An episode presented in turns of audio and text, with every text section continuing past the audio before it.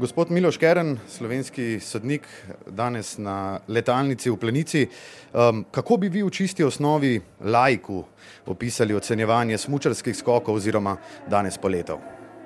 Ja, lep pozdrav vsem poslušalcem z moje strani.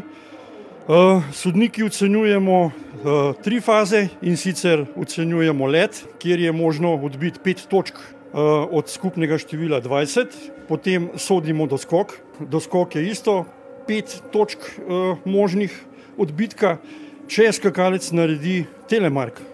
To pomeni, da uh, je med nogami pri doskoku vsaj za en čevelj še prostora, potem mu lahko odbiješ maksimalno eno točko in pol. Potem ocenjujemo pa še vožnjo v iztek. Pomankljivosti, to se pravi neenakomerna vožnja smoči, uh, dotik z eno roko, dotik z obima rok, rokama, uh, ocenjujemo, da odbiješ piko, dve, tri, koliko je pa parec, mu pa odbijemo sedem točk. In vse ti odbitki se potem odštejejo od 20 in dobimo potem oceno. Um. Kateri pa so dejavniki, ki odločajo pri ocenjevanju? Nekaj ste jih že našteli, ampak recimo skakalcu, ki ne preseže K točke, ja. ne morete podeliti 20-tice. Se motim? Ne, zato ker ocenjujemo tudi aktivnost v zraku in če aktivnost v zraku ni prava, potem tudi dolžina skoka ni prava.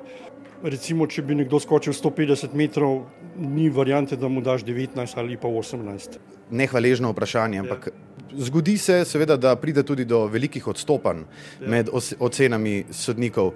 Kdaj do tega pride in mogoče zakaj? Uh, do tega pride predvsem pri doskoku, ker uh, stolpi so na skakalnicah postavljeni zelo visoko, tako da je težko videti doskok. Uh, in včasih ne vidiš, ali je tekmovalec naredil telemark ali ga ni.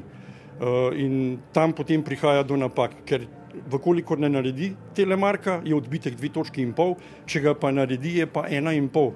To je že kar velika razlika.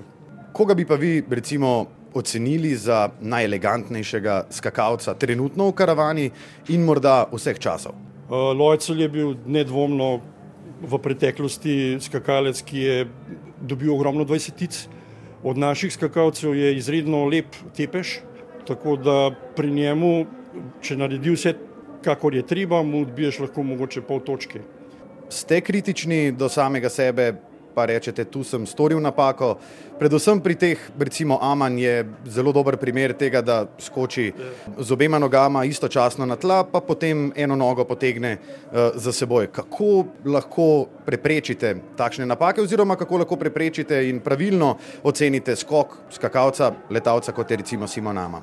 Na Simon Aman ima v zadnjem času velike probleme. On glavnem doskakuje sonožno, uh, brez telemarka čeprav uh, se pa tudi naredi v zadnjem času, da je parkrat že naredil doskok, pa mu ga niso sodili.